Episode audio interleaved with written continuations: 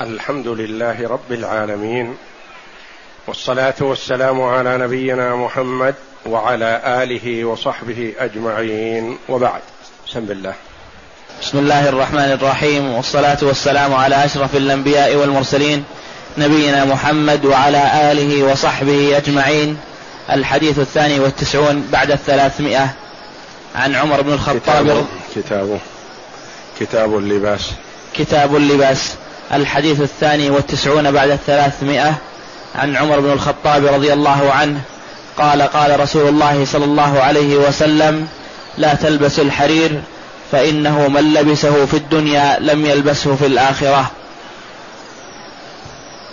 نعم. الحديث الثالث والتسعون بعد الثلاثمائة عن حذيفة بن اليمان رضي الله عنه قال سمعت رسول الله صلى الله عليه وسلم يقول لا تلبسوا الحرير ولا الديباج ولا تشربوا في آنية الذهب والفضة ولا تأكلوا في صحافهما فإنها لهم في الدنيا ولكم في الآخرة.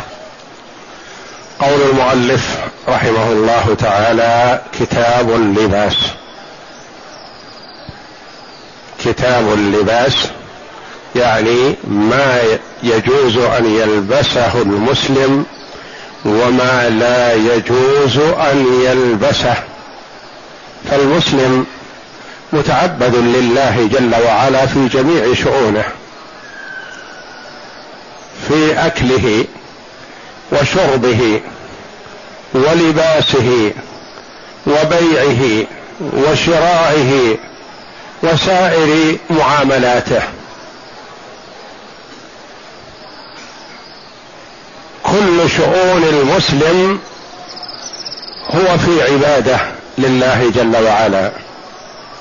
يظن بعض الناس أن العبادة في الصلاة والزكاة والصيام والحج أركان الإسلام. العبادة في هذا وفي جميع تصرفات المسلم. يباح له هذا ويحرم عليه هذا ويكره له هذا ويستحب له هذا وهكذا. فهو في ملبسه في عبادة. من جر ثوبه خيلا لم ينظر الله إليه يوم القيامة.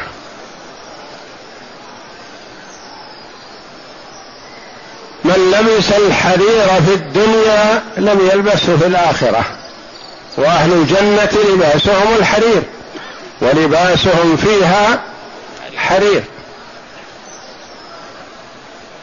البيعان بالخيار ما لم يتفرقا فإن صدقا وبينا بورك لهما في بيعهما وإن كذبا وكتما محقت بركة بيعهما. وإذا قتلتم فأحسنوا القتلة.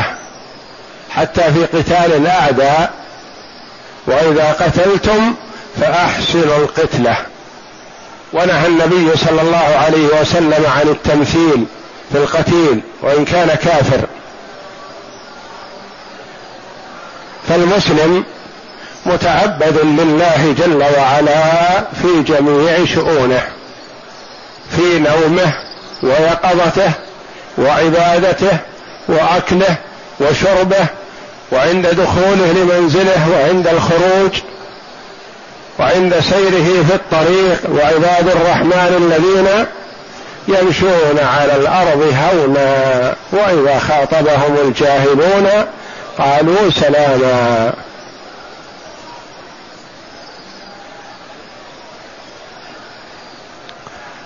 ففي جميع أحوال المرء عليه أن يتقيد بالتعليمات الشرعية في الواجب والمحرم والمباح والمكروه والمستحب.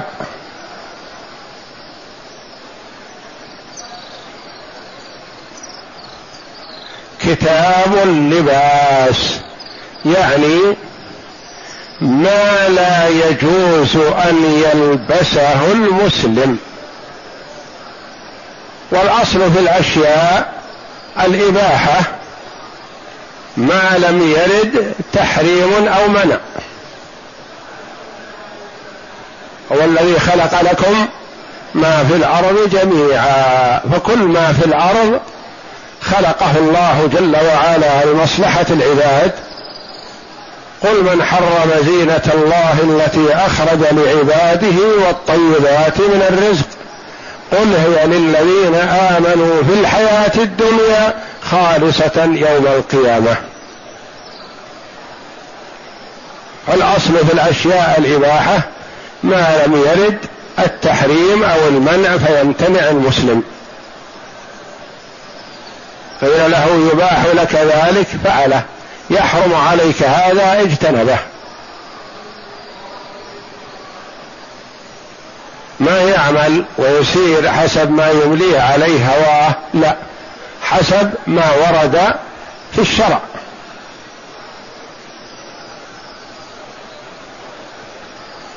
عن عمر بن الخطاب رضي الله عنه هو الفاروق الذي فرق الله جل وعلا به بين الحق والباطل.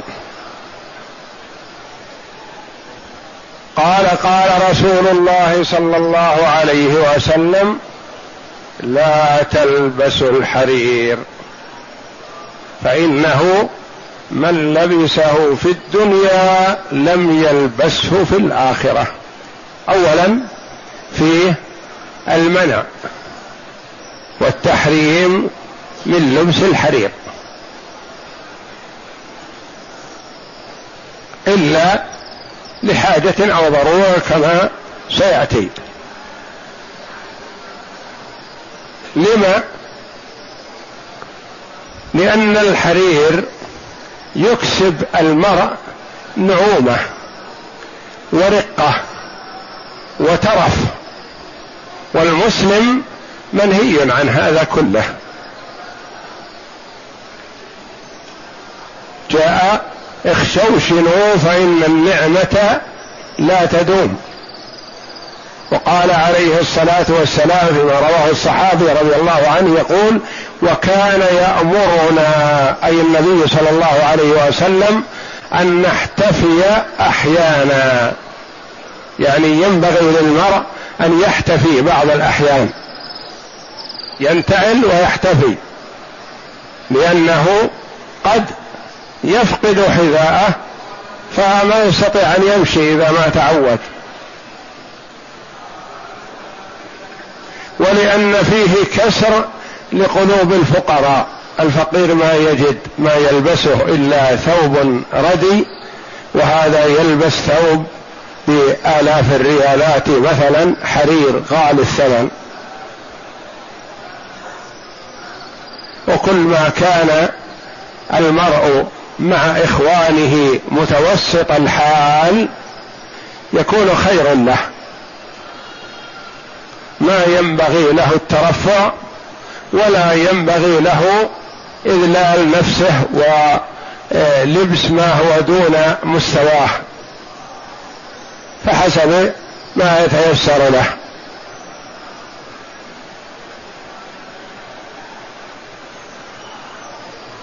لا تلبسوا الحرير فإنه من لبسه في الدنيا لم يلبسه في الآخرة. خاتمة الحديث آخر الحديث من أحاديث الوعيد. وأحاديث الوعيد للعلماء رحمهم الله. فيها أقوال بأنه ينبغي أن تعرض وهي أحاديث ثابتة وصادقة ويجب الإيمان بها لكن أحسن لا تفسر.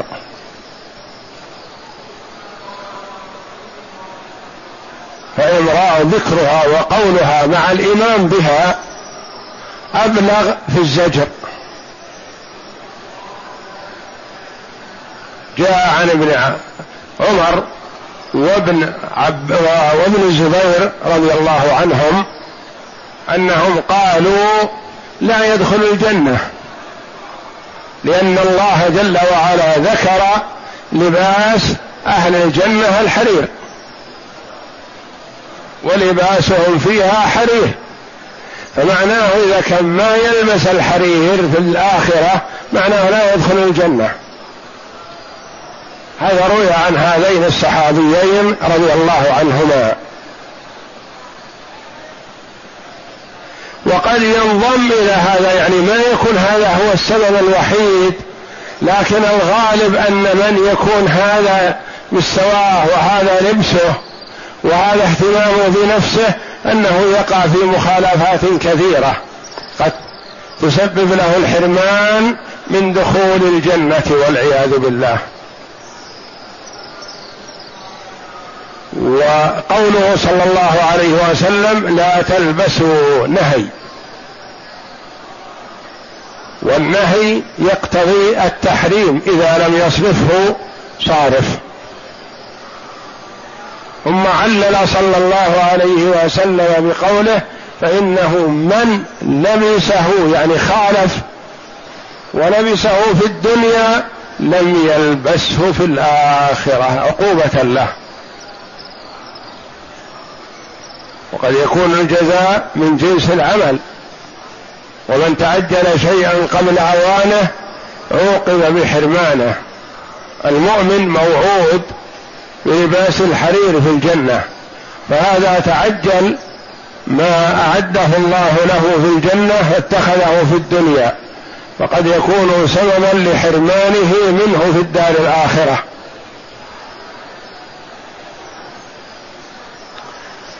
والحديث الآخر عن حذيفة بن اليمان رضي الله عنه. سبب هذا الحديث أن حذيفة رضي الله عنه كان في المدائن. وطلب من الساقي الدهقان أن يسقيه ماء فأتاه بماء بإناء من فضة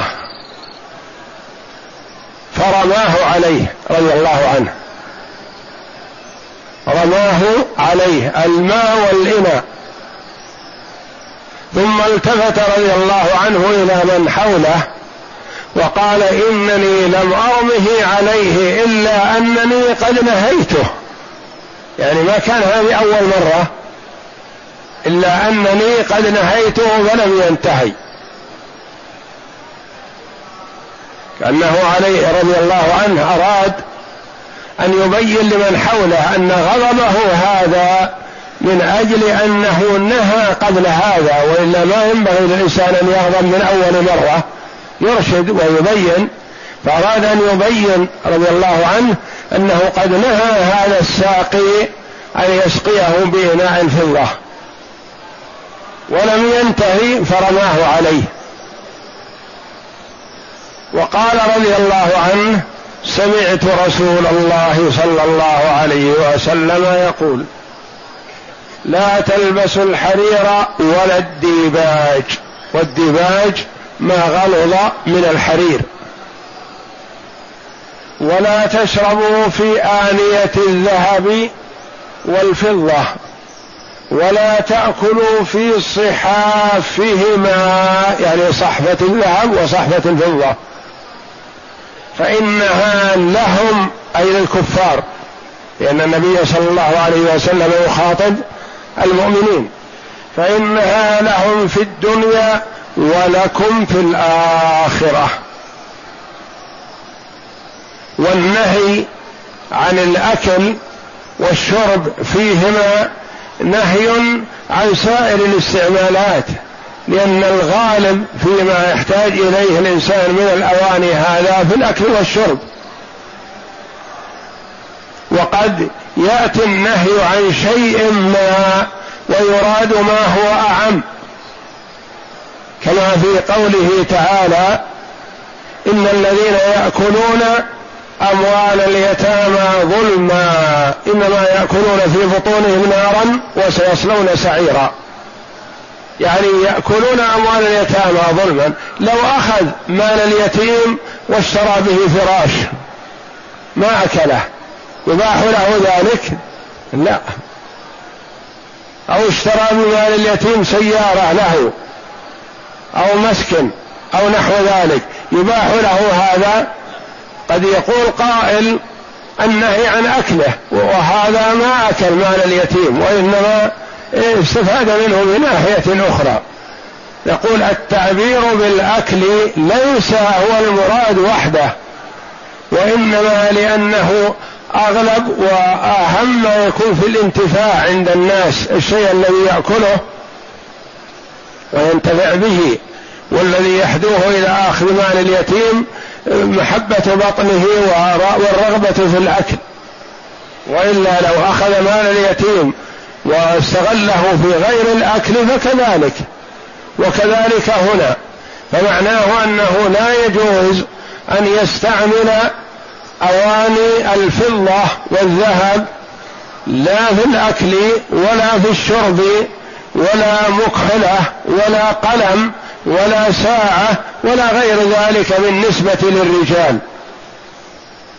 والرجل جاء التخصيص تحليل الخاتم من الفضة. ولا يباح له أن يتخذ الخاتم من الذهب ولا أن يتخذ السلسلة من الفضة ولا من الذهب. وإنما الإباحة يقتصر على ما ورد فله أن يتخذ الخاتم من الفضة. ولا يتخذ من الذهب والفضة إلا ما دعت الضرورة إليه. مثل ماذا ما دعت الضرورة كالأنف أو السن مثلا. لأن عرفجة رضي الله عنه قطع أنفه فاتخذ انفا من ورق يعني من فضة فأنتن صار له رائحة نتنة. فأمره النبي صلى الله عليه وسلم أن يتخذ أنفا من ذهب ما يكون فيه رائحة. فقال العلماء ما دعت الضرورة إليك الأنف مثلا والسن عند الضرورة لا تلبيس. التلبيس إن كان هناك ضرورة فنعم والتلبيس للجمال لا يجوز للرجال ويجوز للمرأة التلبيس الذهبي إذا لم تحتج إلى تفليج. إذا احتيج إلى تفليج الأسنان فلا يجوز. لأن تلبيس السن ذهب حلي مثلا من باب الحلي يباح لها ذلك لكن يحرم عليها التفليج. فقد لعن النبي صلى الله عليه وسلم المتفلجات للحسن والتفليج هو برد ما بين الأسنان. فما دعت الضرورة إليه جاز كالأنف والسن وما لا ضرورة فيه يحرم. وله أن يتخذ الخاتم من الفضة بدون ضرورة ولا حاجة. فلا يتخذ القلم ولا الساعة ولا شيء من الذهب والفضة للاستعمال. والمرأة يباح لها باب التحلي فقط. التحلي بالذهب والتحلي بالفضة لأنها في حاجة إلى الحلي لزوجها لكن لا يباح لها أن تأكل بملعقة الذهب ولا بملعقة الفضة. الاستعمال شيء والتحلي شيء آخر. كذلك لا تشرب بفنجان الذهب أو فنجان الفضة لكن تتحلى بالذهب والفضة من باب التحلي.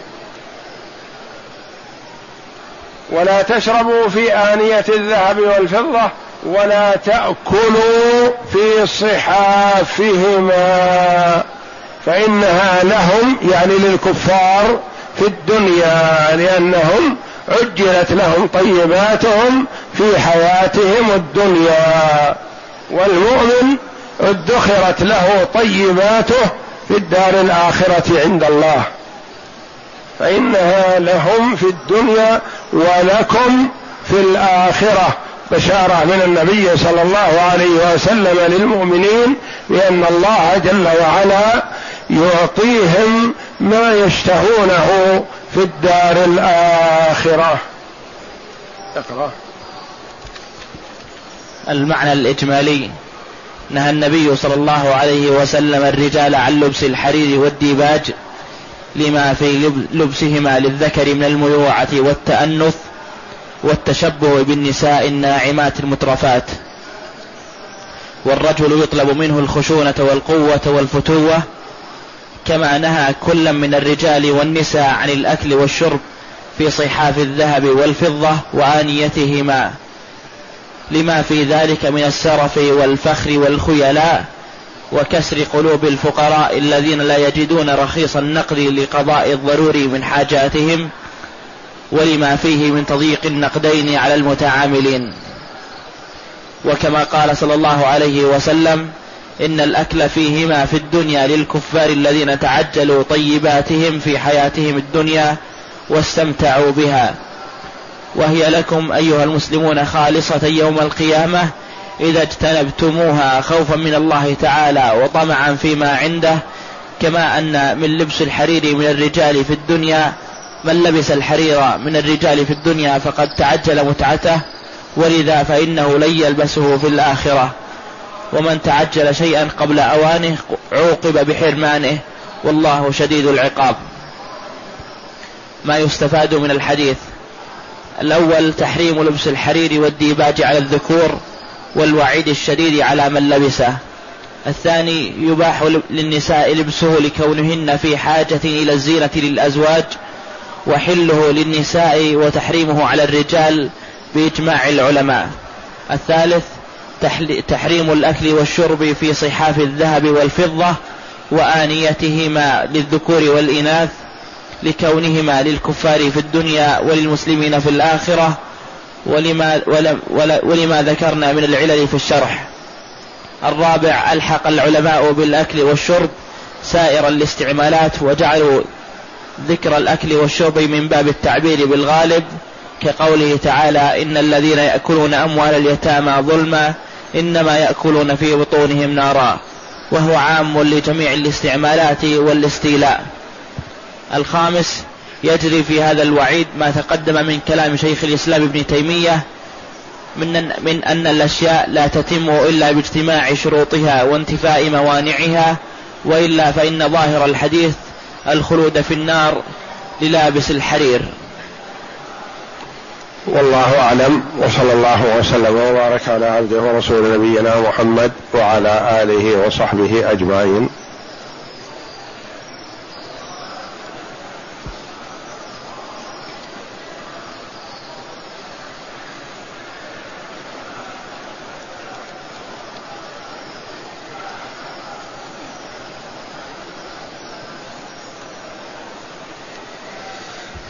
يقول السائل بعض الأوقات آتي إلى الحرم قبيل المغرب فأصلي ركعتين بدل الطواف بالكعبة.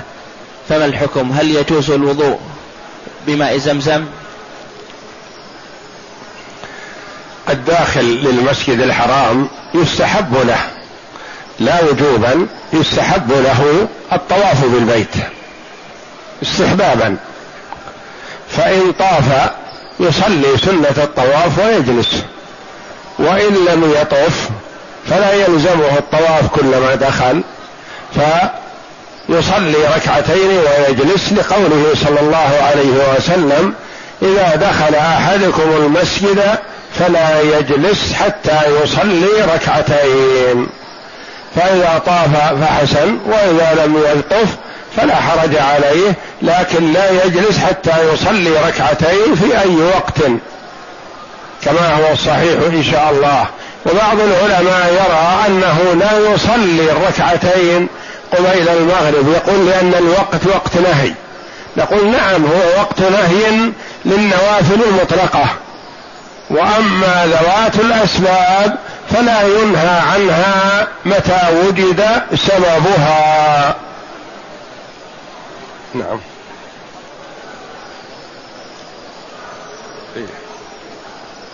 في سؤال. وهل يجوز الوضوء بماء زمزم؟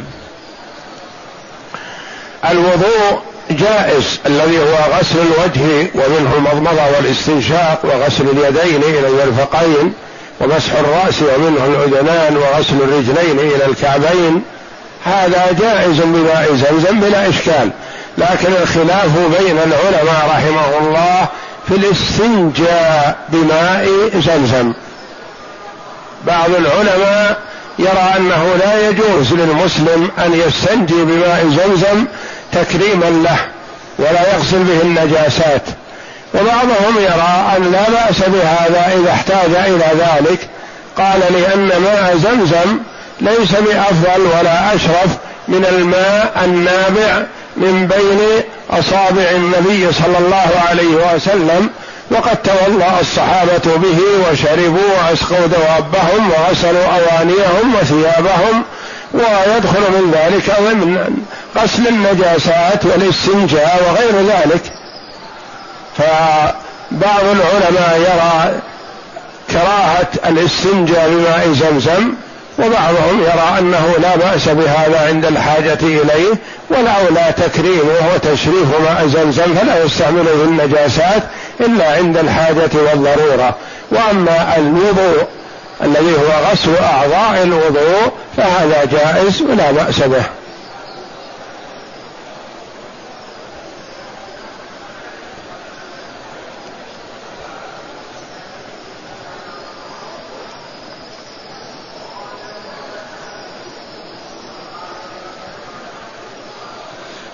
يقول السائل يوجد شخص متوفي وليس له زوجة ولا أبناء ولديه مال ويرثه من بعده أم وأخ شقيق له وله إخوة آخرون من أباه.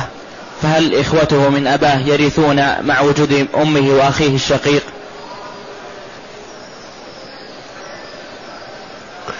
إذا مات الرجل وترك أما وأخا شقيق وله إخوة آخرون من أبيه. فلأمه لوجود الجمع من الإخوة لأمه السدس. والباقي لأخيه من الشقيق. وليس لإخوته من الأب شيء لأن الأخ الشقيق يحجبهم.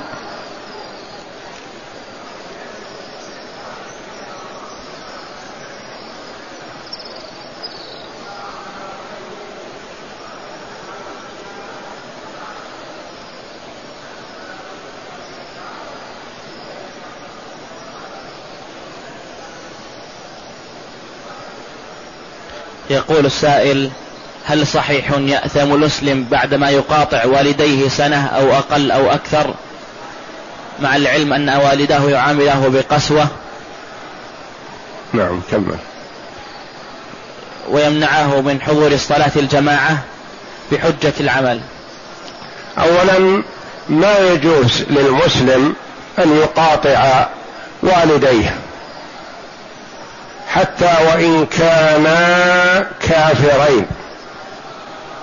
لأن الله جل وعلا يقول وإن جاهداك على أن تشرك بي ما ليس لك به علم فلا تطعهما وصاحبهما في الدنيا معروفا. فأمر جل وعلا بالرفق بالأبوين وحسن المصاحبة حتى مع الكفر. ومنعهم ومنعهم لولدهم عن طاعة الله. فلا يقطعهما وإنما يرفق بهما. يرفق بهما ويدعوهما إلى الله برفق ولين. لعل الله أن يهديهما على يده. فيكون هذا من أعظم البر.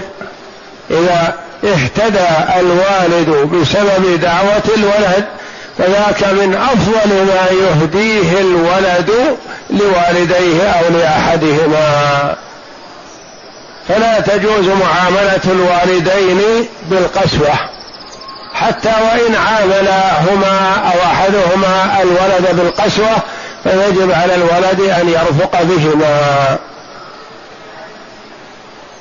وقد قص الله جل وعلا علينا قصة إبراهيم على نبينا وعليه أفضل الصلاة والسلام مع والده. إبراهيم عليه السلام ينادي أباه يا أبتي يا أبتي يا أبتي. ويكرر النداء وبلفظ الأبوة لعل الله أن يهديه. والوالد يرد عليه بقسوة لئن لم تنته لأرجمنك. وتحمل عليه الصلاة والسلام قسوة أبيه لعل الله أن يهديه لأنه ما كان عنده من علم الغيب شيء يدري أن أباه لم يهتدي. لكن لما تبين له أنه عدو لله تبرأ منه. لما تبين له أنه مستمر على ما هو عليه من الضلال ولن يقبل ومات على الكفر تبرأ منه. لكن قبل أن يموت عنده شيء من الرجاء لعل الله أن يهديه. فلا يحصل من الولد أن يقسو مع أبيه حتى وإن أمر الوالد الولد بالمعصية. فلا يطعه بالمعصية ولا يقسو عليه ولا يهجره.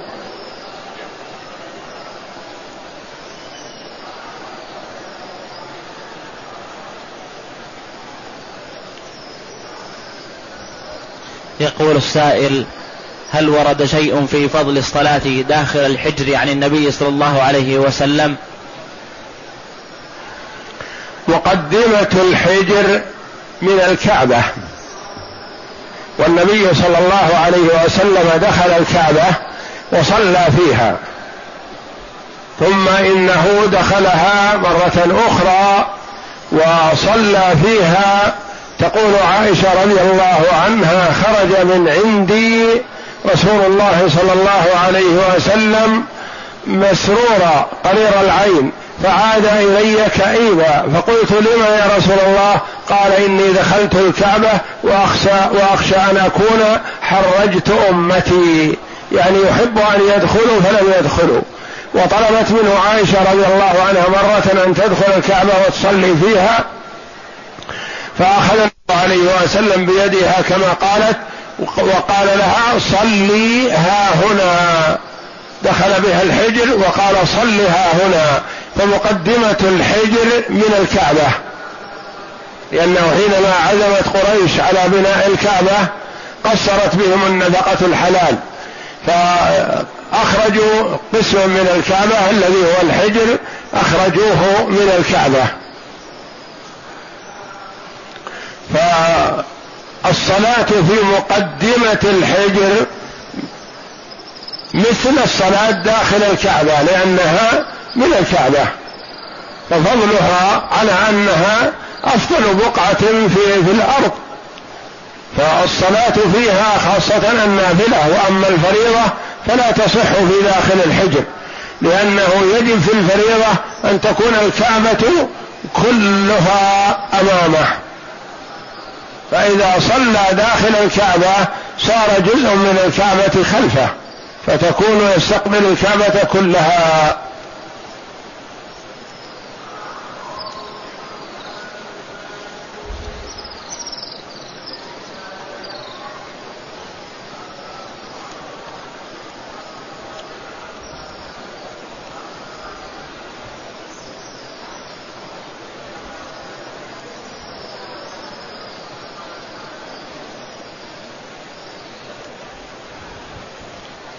يقول السائل هل يجوز الزواج من زوجة من زوجة أخي جدي إن طلقها؟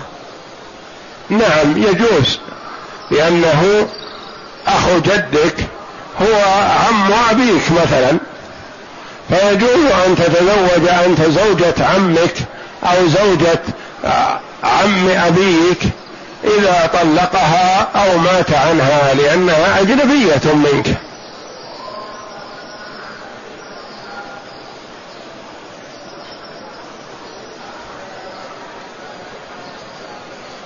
يقول السائل هل تجب الزكاة في الذهب الملبوس؟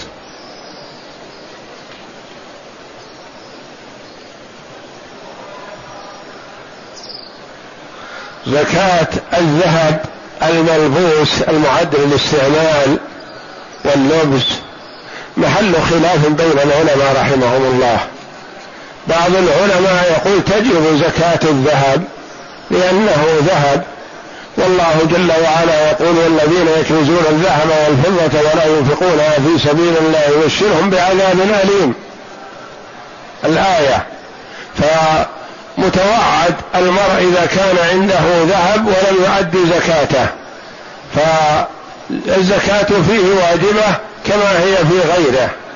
آخرون من العلماء رحمهم الله قالوا الذهب المعد للاستعمال هذا معد للحاجة وليس معدا للنماء ولا للتجارة ولا للبيع والشراء وإنما هو معد للاستعمال مثل سيارة الرجل ومشلح الرجل وغير ذلك من لباسه ومع حاجاته الغالية والرخيصة.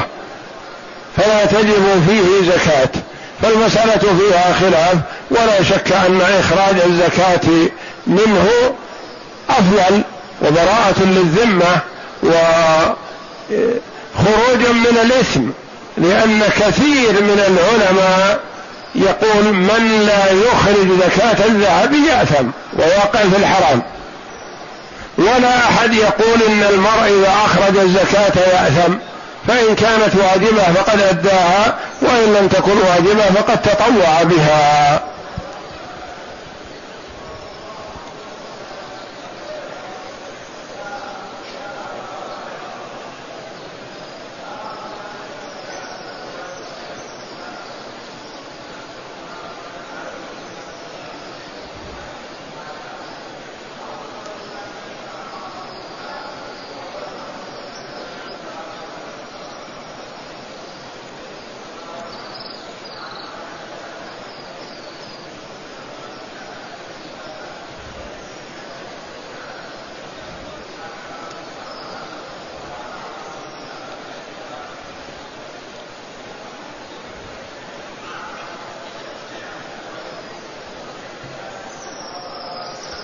يقول السائل هل أسب من يلعن الصحابة؟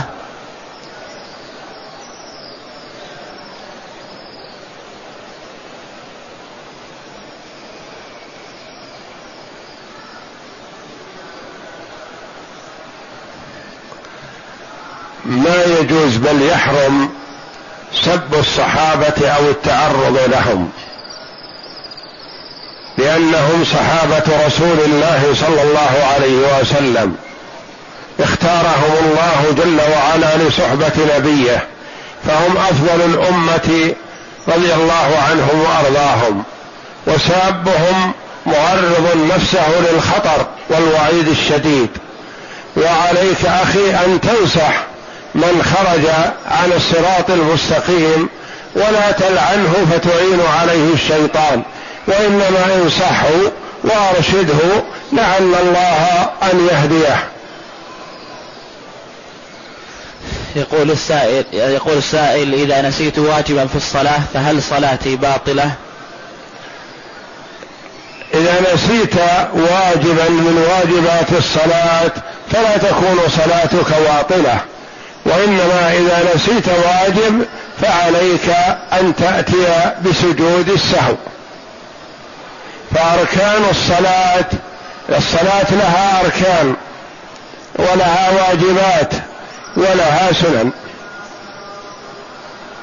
فالأركان لا بد من الإتيان بها ولا يجبر الركن سجود السهو بل لا بد من الإتيان به.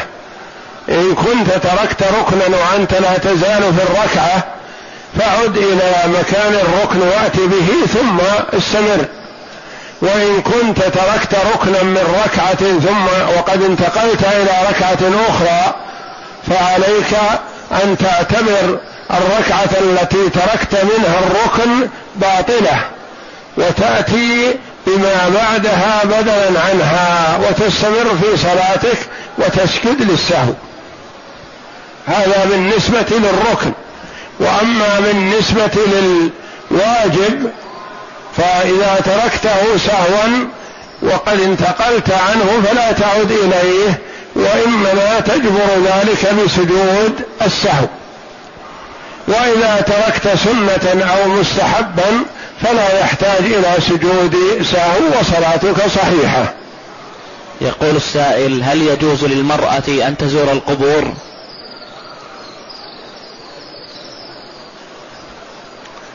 لعن رسول الله صلى الله عليه وسلم زائرات القبور والمتخذين عليها يعني على القبور المساجد والسرج.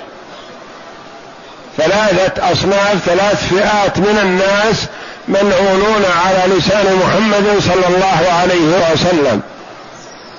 النساء التي تزور القبور.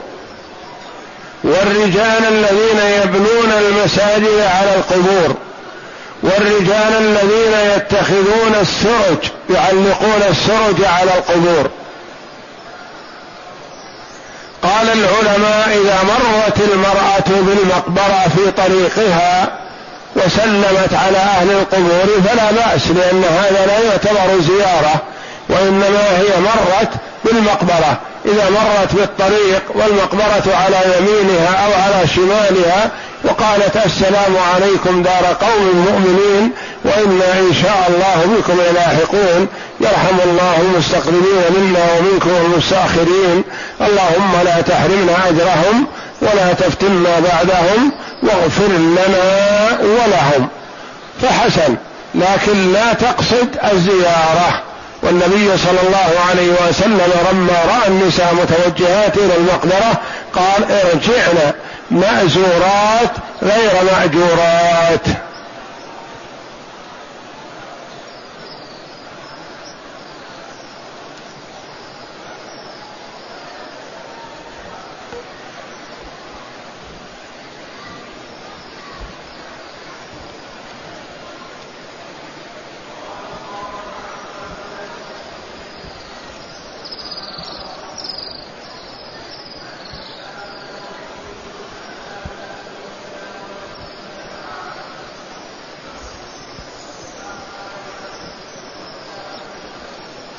يقول السائل أحد الشاب أحد الشباب يحافظ على جميع الصلوات في المسجد إلا الفجر فإنه يشغل يغلب عليه النوم الثقيل حيث يجعل المنبه في أذنه لكي يقوم لصلاة الفجر لكنه يقفل المنبه بدون أن يشعر فكيف يعمل مثل هذا؟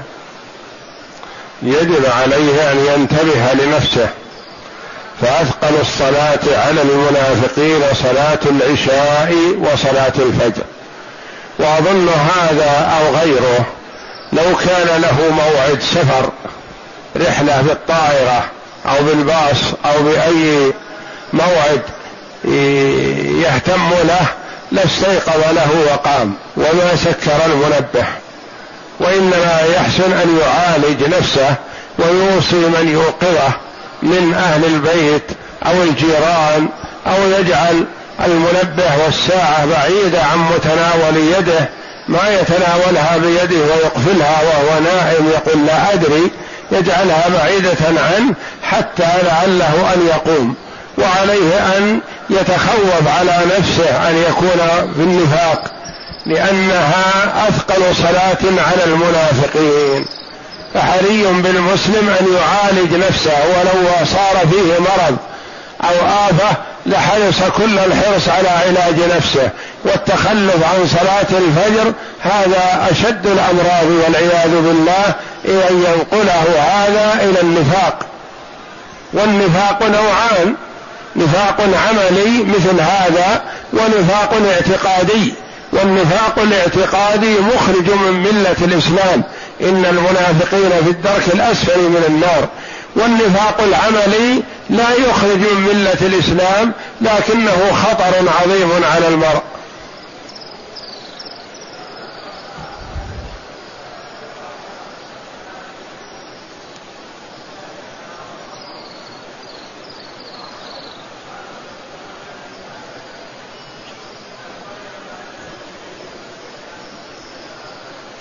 يقول السائل سمعت في احدى البرامج عندما سئل الشيخ عن حكم إعفاء اللحية فقال حكم إعفاء اللحية فريضة. نعم إعفاء اللحية واجب. لقوله صلى الله عليه وسلم أعفوا اللحى أكرموا اللحى أرخوا اللحى خالفوا المجوس خالفوا المشركين خالفوا اليهود. ولما دخل عليه صلى الله عليه وسلم مجوسيان مرسلان من كسرى ملك الفرس وقد حلقوا اللحى وأطالوا الشوارب. كره النبي صلى الله عليه وسلم منظرهما وأعرض عنهما وقال لهما ما هذا؟ قالا بهذا أمرنا ربنا. يعنون كسرى. أمرهم بأن يحلقوا لحاهم ويعفوا ويطيلوا شواربهم. قال عليه الصلاة والسلام لكن ربي أمرني بإعفاء اللحية وإحفاء الشارب. وأمرنا صلى الله عليه وسلم بمخالفة اليهود ومخالفة المجوس ومخالفة النصارى أمرنا بإعفاء اللحية. وكان الصحابة رضي الله عنهم هذا سمتهم ومظهرهم وكان بعض الأنصار سيدهم ابرد ما له لحية فقالوا لو كانت اللحى تشترى لاشتريناها بغالي الأثمان لسيدنا. واللحية جمال ووقار للرجل وصمت حسن ومظهر من مظاهر الصلاح والتقى فحري بالمسلم أن يحرص عليها وفيها جمال للرجل. كانت عائشة رضي الله عنها تحلف أحيانا تقول والذي جمل الرجال باللحى. وحلق اللحية مخالفه لما, لما أمر به النبي صلى الله عليه وسلم. فقد قال عليه الصلاة والسلام اعفوا اللحى واكرموا اللحى وارخوا اللحى. والأحاديث في هذا كثيرة.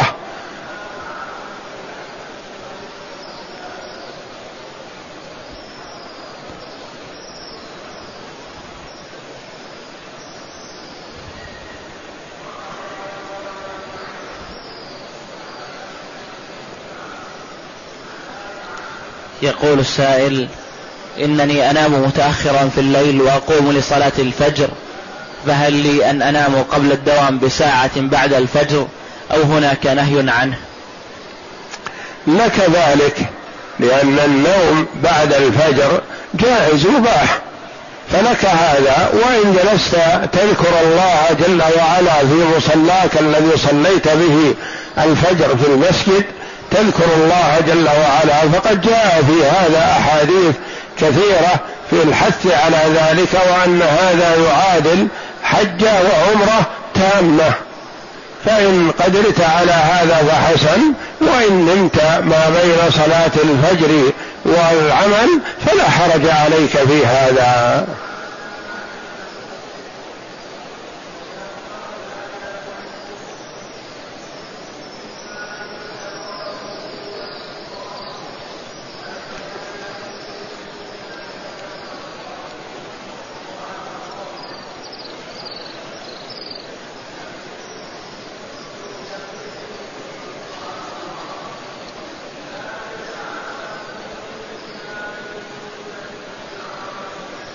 يقول السائل ما حكم الأكل والشرب في آنية وكؤوس مطلية برسوم أو أحرف بماء الذهب؟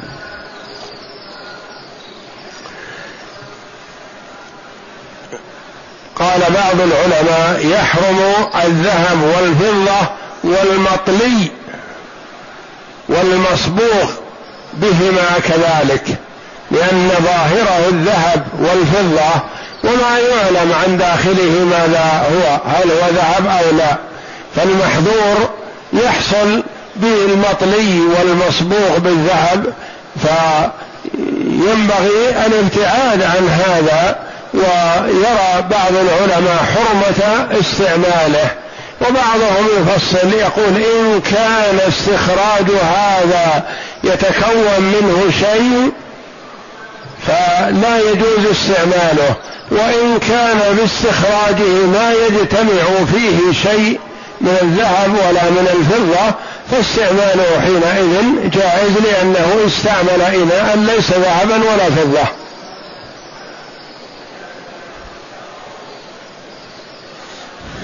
يقول السائل ما ما حكم استخدام السبحة للتسلية؟ استعمال السبحة للعدد والتسبيح أو للتسلية له ذلك. لكن إذا اعتقد أن التسبيح بالسبحة أفضل صار بدعة. لأنه تقرب إلى الله جل وعلا بما لم يثبت عن النبي صلى الله عليه وسلم. والتسبيح بالأنامل أفضل. لأن النبي صلى الله عليه وسلم قال للنساء وعقدن بالأنامل فإنهن مستنطقات. يعني تشهد للمرء بما سبح عليها أنامله أصابعه وأنامله. إذا سبح بها تنطق وتشهد بما سبح بها بما بتسبيحه بها يوم القيامة. وكونه يسبح بأنامله أفضل. وإن سبح بالسبحة فلا يخلو. إن اعتقد أن ذلك قربة فليس بقربة بل هو بدعة. وإن لم يعتقد أنه قربة وإنما سبح بها لضبط العدد فلا بأس عليه. لأن النبي صلى الله عليه وسلم مر بامرأة بين يديها حصى أو نوى تسبح بها. ما أنكر عليها صلى الله عليه وسلم لكنه أرشدها إلى ما هو أفضل. قال ألا أدلك على ما هو أفضل وأيسر؟ قولي سبحان الله عدد ما خلق في السماء. سبحان الله عدد ما خلق في الأرض. سبحان الله عدد ما بينهما. سبحان الله عدد ما هو خالق. والله أكبر مثل ذلك. والحمد لله مثل ذلك. ولا إله إلا الله مثل ذلك ولا حول ولا قوة إلا بالله العلي العظيم مثل ذلك. هذه لا تحصى عددا. وشملت أنواع التسبيح. سبحان الله والله أكبر والحمد لله ولا إله إلا الله ولا حول ولا قوة إلا بالله العلي العظيم. فكون المرء يعد ما ورد في السنة تعداده يحصيه.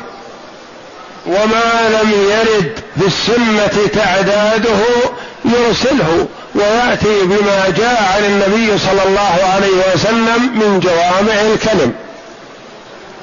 فمثلا جاء عن النبي صلى الله عليه وسلم خرج من عند إحدى أمهات المؤمنين بعد صلاة الفجر ثم عاد إليها ضحى وهي لا تزال في مصلاها.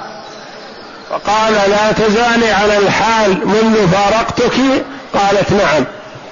قال لقد قلت بعدك أربع كلمات ثلاث مرات لو وزنت بما قلت منذ الغداة لوزنتهن. سبحان الله وبحمده عدد خلقه ورضا نفسه وزينة عرشه ومداد كلماته. هذه أربع.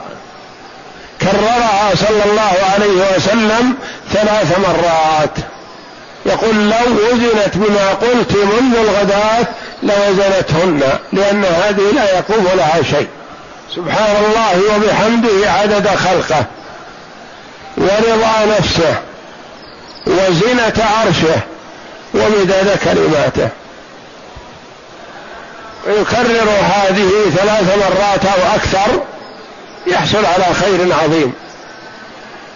جاء عن النبي صلى الله عليه وسلم من قال لا إله إلا الله وحده لا شريك له له الملك وله الحمد وهو على كل شيء قدير في يوم مائة مرة.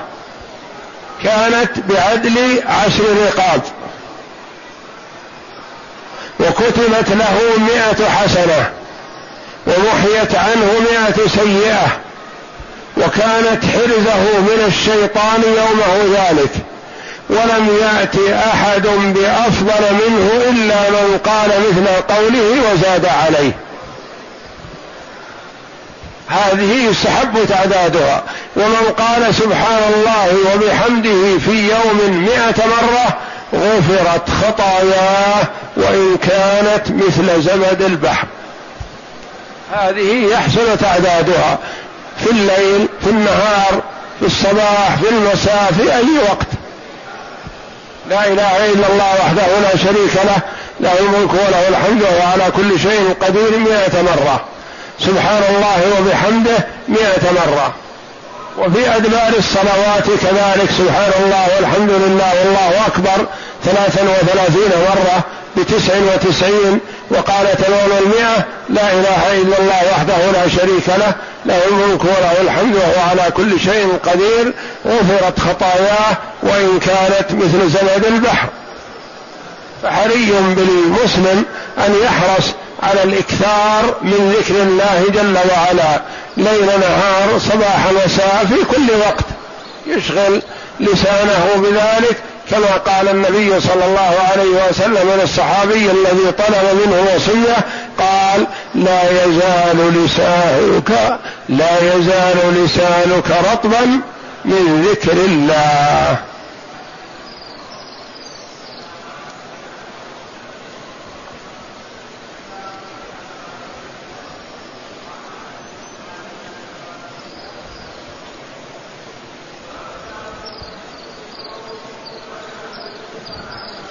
يقول السائل هل يجوز صلاة سنة الفجر بعد صلاة الفجر إذا لم يدركها قبل الصلاة؟ نعم يجوز له ذلك. إذا فاتته الراتبة قبل الفجر فهو بالخيار حينئذ. إن شاء قضاها بعد صلاة الفجر. وإن شاء قضاها بعد طلوع الشمس وارتفاعها قدر ومح فإن خشي الانشغال عنها أو نسيانها فليقضها بعد صلاة الفجر مباشرة. وإن اطمأن أنه يقضيها بعد طلوع الشمس وارتفاعها قدر رمح فذلك أولى. وقد رأى النبي صلى الله عليه وسلم رجلا يصلي ركعتين بعد الفجر فقال له عليه الصلاة والسلام أصلاة الفجر أربع ركعات؟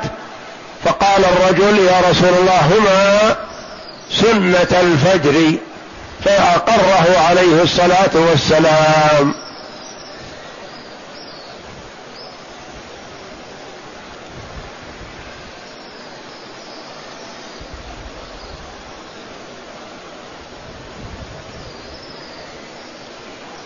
يقول السائل هل في وضع الفضة بين الأسنان للنساء للتزين جائز؟ للزينة إذا لم تحتج إلى تفليج فلا بأس. وإذا احتيج إلى تفليج فالتفليج محرم. والتفليج يجوز عند الضرورة إذا احتيج إليه. وأما إذا لم يكن هناك حاجة سوى الزينة فلا يجوز للمرأة أن تفلج أسنانها. والله أعلم. وصلى الله وسلم وبارك على عبده ورسول نبينا محمد وعلى آله وصحبه أجمعين.